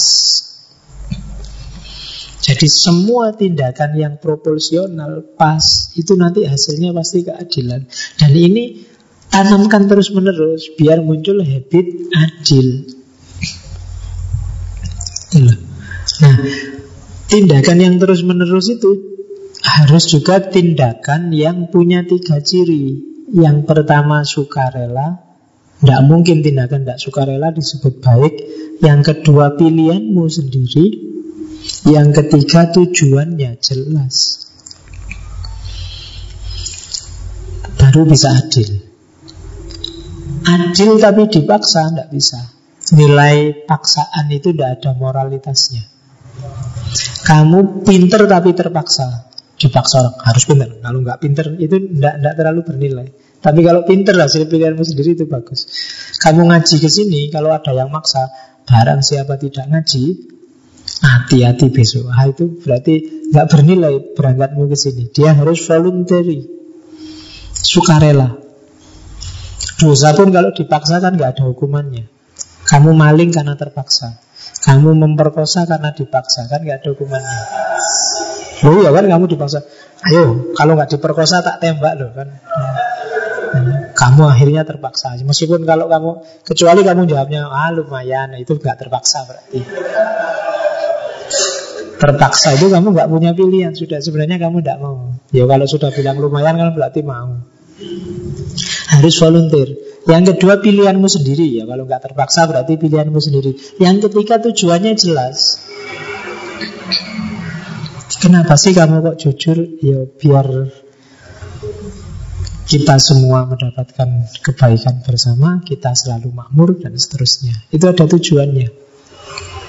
Adil demi kebersamaan. Biar negara kita nggak runtuh. Kalau nggak adil, kacau kita. Itu tujuannya jelas. Oke. Terus ini yang disebut tadi debat disputasio. Ada yang nanya, apa keadilan itu jenisnya kebaikan? Ada yang keberatan. Menurut saya keadilan itu bukan kebaikan. Karena kebaikan itu sukarela. Padahal keadilan itu sebenarnya kewajiban. Kalau kalau dia kewajiban kan berarti tidak suka rela. Kenapa kewajiban? Ya karena kalau nggak adil masyarakat kacau. Maka setiap orang diwajibkan untuk adil. Kalau modelnya setiap orang diwajibkan untuk adil, berarti dia bukan kebajikan, itu kewajiban. Bukan jasa kalau orang berlaku adil itu. Karena dia sendiri juga butuh itu. Jadi ada yang bantah, keadilan itu bukan moral, itu kewajiban. Kalau kewajiban ya berarti nggak ada jasanya, nggak ada nilainya. Wong dia sendiri juga butuh keadilan itu biar nggak kacau. Kalau kamu nggak adil, kamu pelit misalnya, ya lama-lama juga kamu ikut hancur sendiri kayak kapitalis itu loh. Kalau semakin pemodalnya semakin besar, daya beli masyarakatnya semakin rendah, lama-lama dia juga nggak bisa membeli produksinya pemodal. Kalau masyarakat nggak beli, dia juga jatuh. Oh, itu jadi sama ternyata. Kewajiban adil itu. Maka dia bukan kebajikan. Ada yang membantah begitu. Thomas Aquinas jawab, Lunda, yang disebut kebajikan itu sesuatu yang menghasilkan kebaikan. Nah, keadilan menghasilkan kebaikan enggak? Kebaikan kan ya berarti dia kebajikan. Jawabannya begitu. Dan dari mana kita tahu itu baik? Ya pakai akal dok. Akal kita kan ngerti kalau adil itu baik. Oke, terus yang kamu sebut kewajiban itu kan ada dua jenis. Ada kewajiban untuk tidak melakukan sesuatu, ada kewajiban untuk melakukan sesuatu. Dua-duanya sebenarnya ada tujuannya, ada maksudnya. Pasti ada targetnya. Kenapa kamu diwajibkan adil? Ya tujuannya biar masyarakat tentram, damai. Berarti kalau kita adil, kita mewujudkan masyarakat yang tentram dan damai. Dan ini baik. Jawabannya Thomas Aquinas. Jadi keadilan berarti juga kebaikan. Dan orang yang melakukan keadilan boleh kita hargai sebagai orang baik. Jadi ini namanya disputasio, saling debat. Apakah keadilan itu masuk kebaikan, masuk moralitas? Wong dia wajib gitu loh. Oh ya enggak. Definisi kebaikan itu semua yang melahirkan hal yang baik. Keadilan kan melahirkan hal yang baik, berarti dia juga kebaikan. Nah, itu debat, bukan ngeyel. Kalau ngeyel dijawab bunuh terus bantah nih. Oke, terus definisi yang pertama dibantah, dijawab. Sekarang kalimatnya yang lain yang dibantah. Apakah benar adil itu ngasih pada orang lain haknya orang itu? Kayak kamu kalau orang ceramah sedekah itu loh. Dalam harta kita ada sebagian milik orang lain. Nah itu ada yang bantah. Lu apa iya itu miliknya orang lain?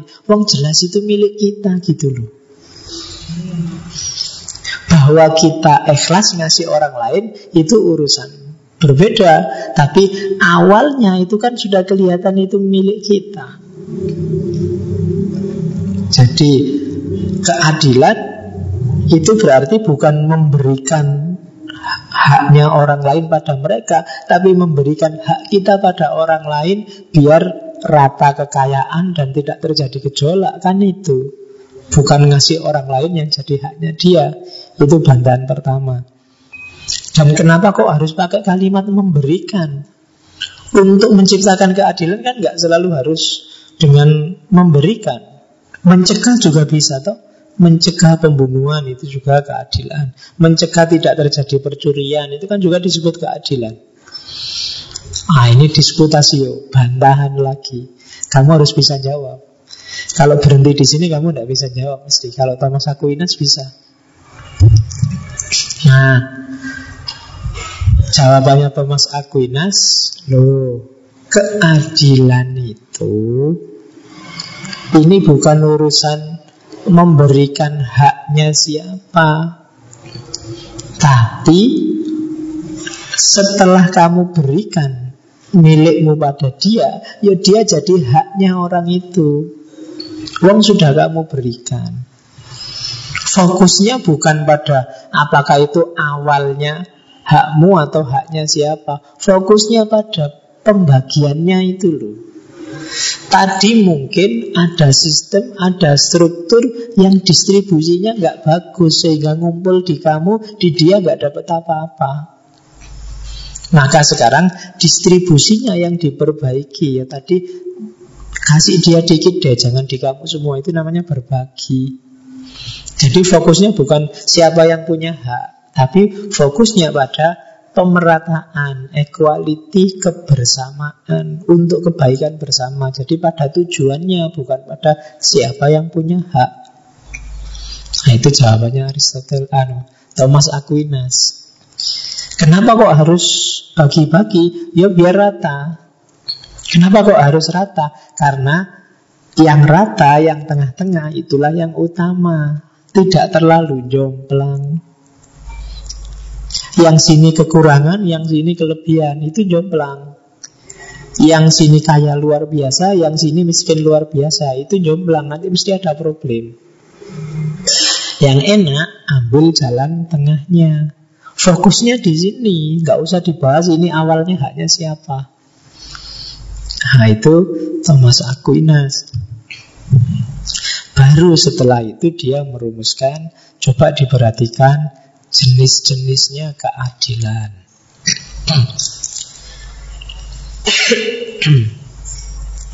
Ada dua jenis keadilan.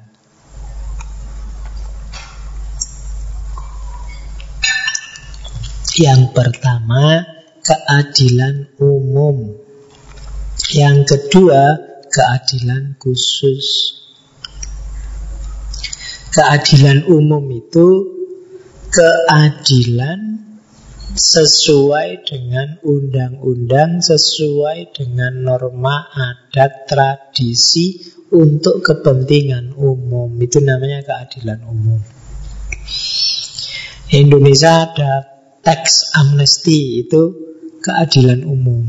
Ada undang-undangnya, entah itu nanti arahnya ke mana, tapi pokoknya lakukan tax amnesty berarti sesuai dengan undang-undang.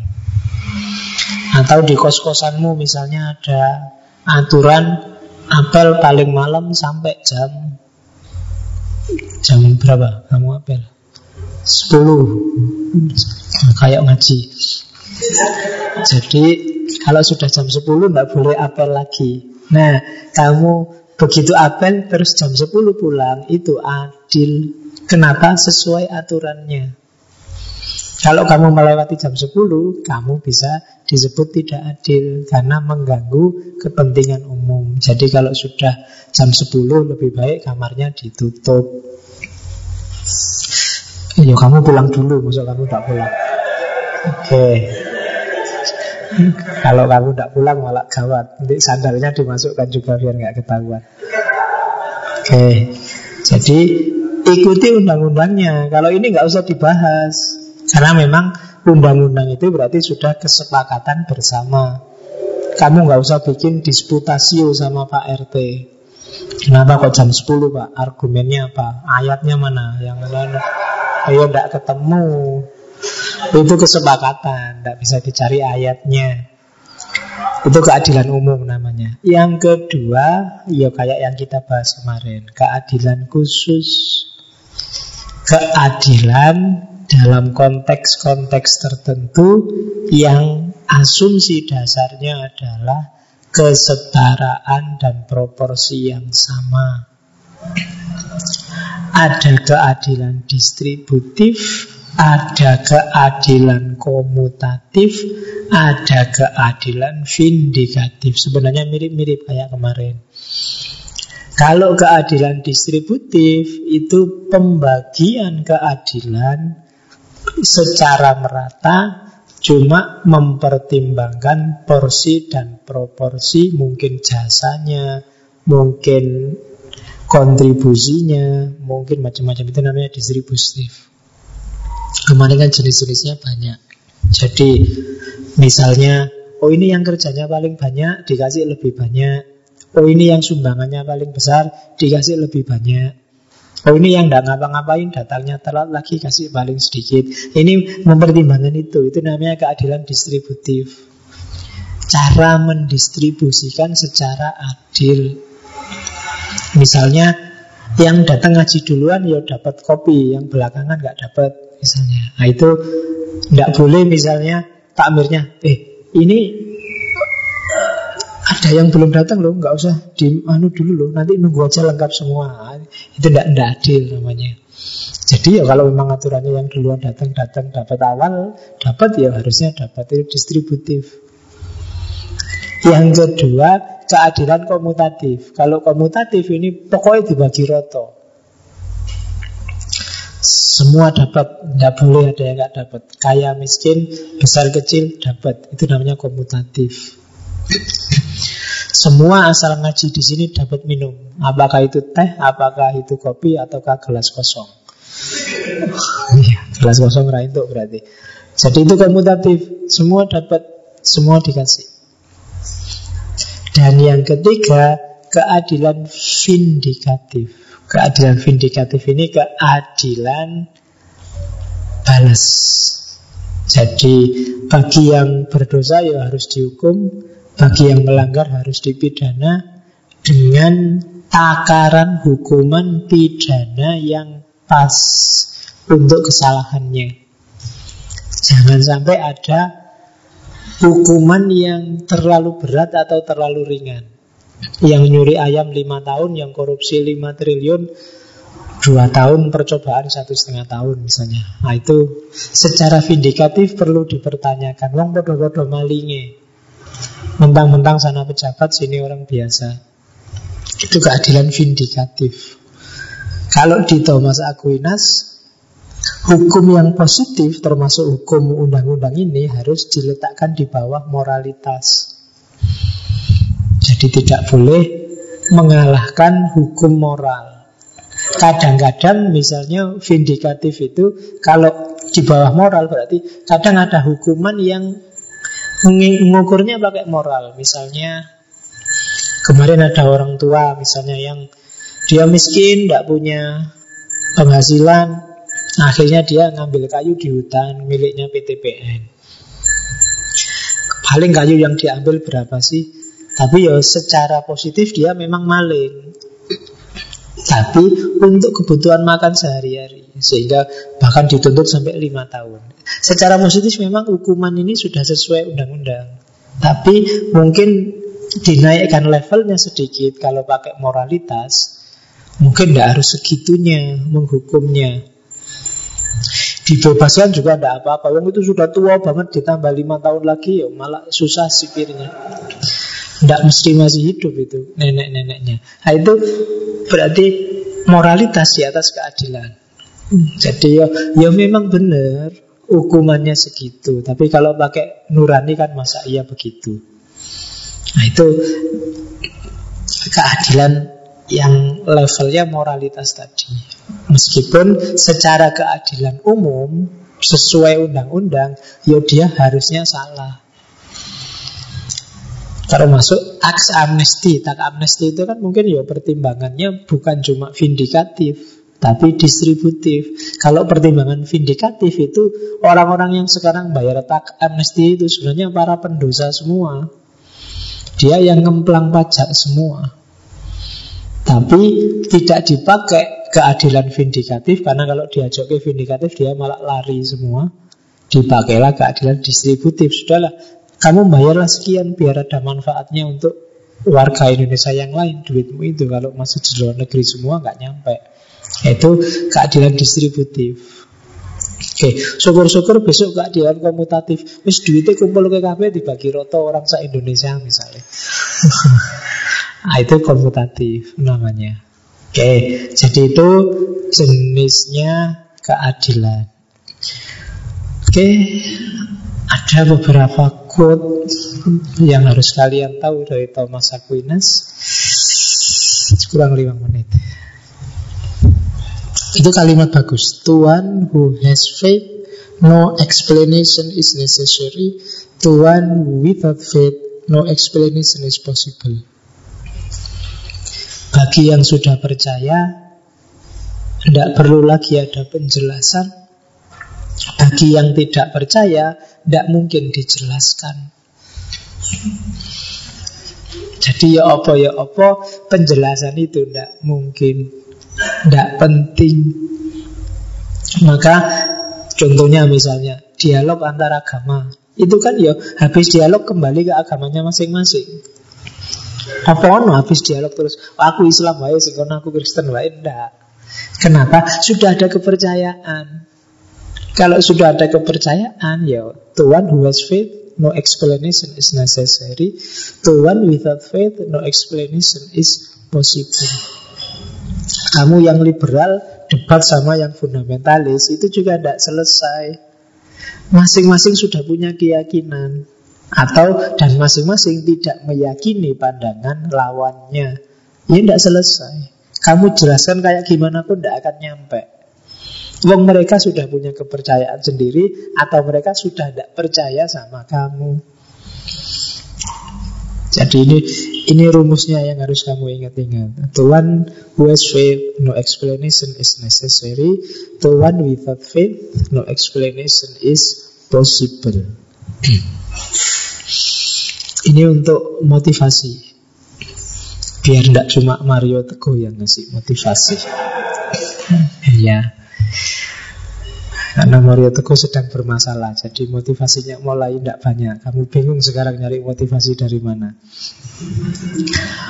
If the highest aim of a captain were to preserve his ship He would keep it in port forever. Kalau tujuan terakhir seorang kapten kapal itu hanya untuk menjaga, melestarikan kapalnya biar tetap baik, pasti dia hanya akan mendiamkan kapalnya di pelabuhan selamanya.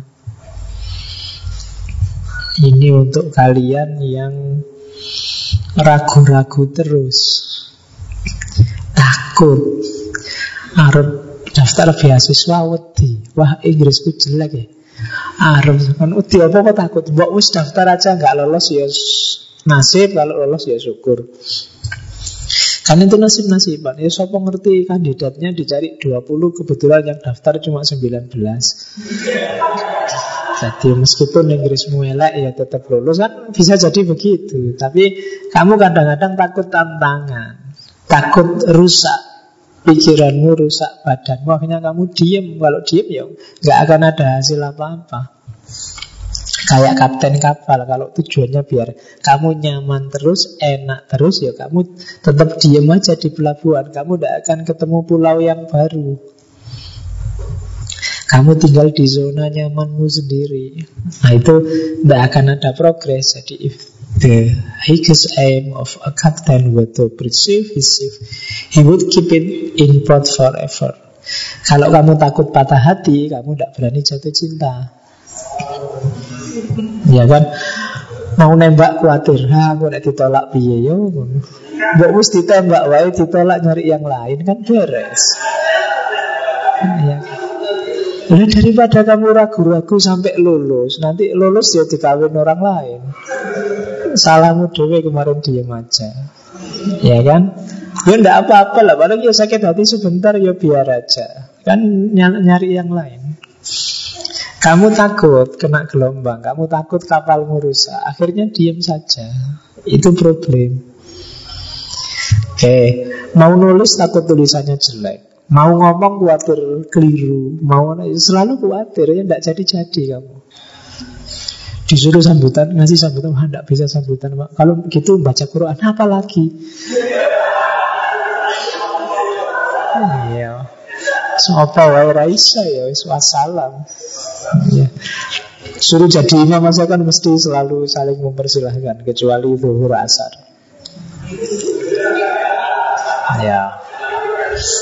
Kalau zuhur asar tidak apa-apa tak imami baik ngono, tapi begitu maghrib isya gitu, ayo monggo silahkan itu.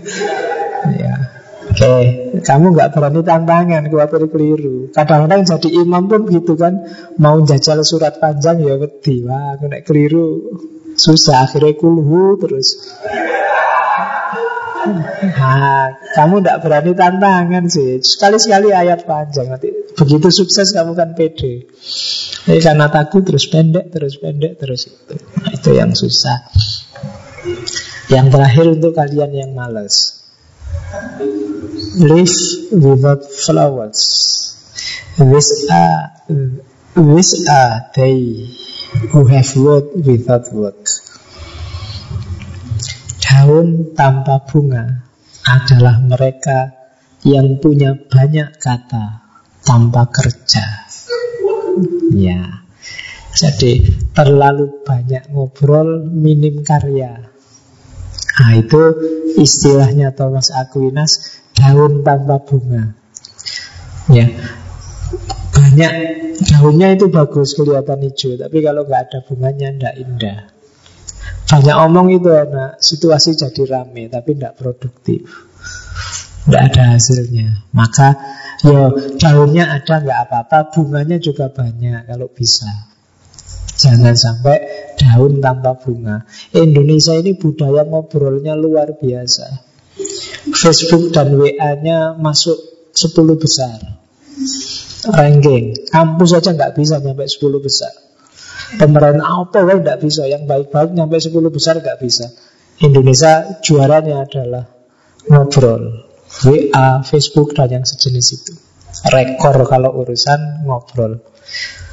Ngobrol sama makanan. Makanan juga rekor. Selalu rekor Indomie terpanjang, tumpeng terbesar itu Indonesia.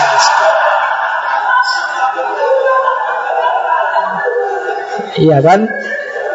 Coba bakpia paling besar itu Indonesia mesti rekor itu kalau urusan pokoknya ngobrol sama makanan itu Indonesia juaranya coba dicek di Guinness Book itu mungkin Indonesia Indonesia yang bagian makanan-makanan itu banyak jadi itu dikritik oleh Thomas Aquinas Leaf without flower Daun tanpa bunga Oke, Alhamdulillah itu Thomas Aquinas Minggu depan kita ketemu puncaknya filsafat keadilan. Tokoh yang sangat populer hari ini ngomong keadilan, John Roll. Ya, kita ketemu John Roll minggu depan untuk ngomong filsafat keadilan. Setelah itu ganti tema untuk bulan Oktober. Oke, saya kira itu kurang lebihnya mohon maaf. Wallahul muwafiq, wallahu a'lam bishawab. Wassalamualaikum warahmatullahi wabarakatuh.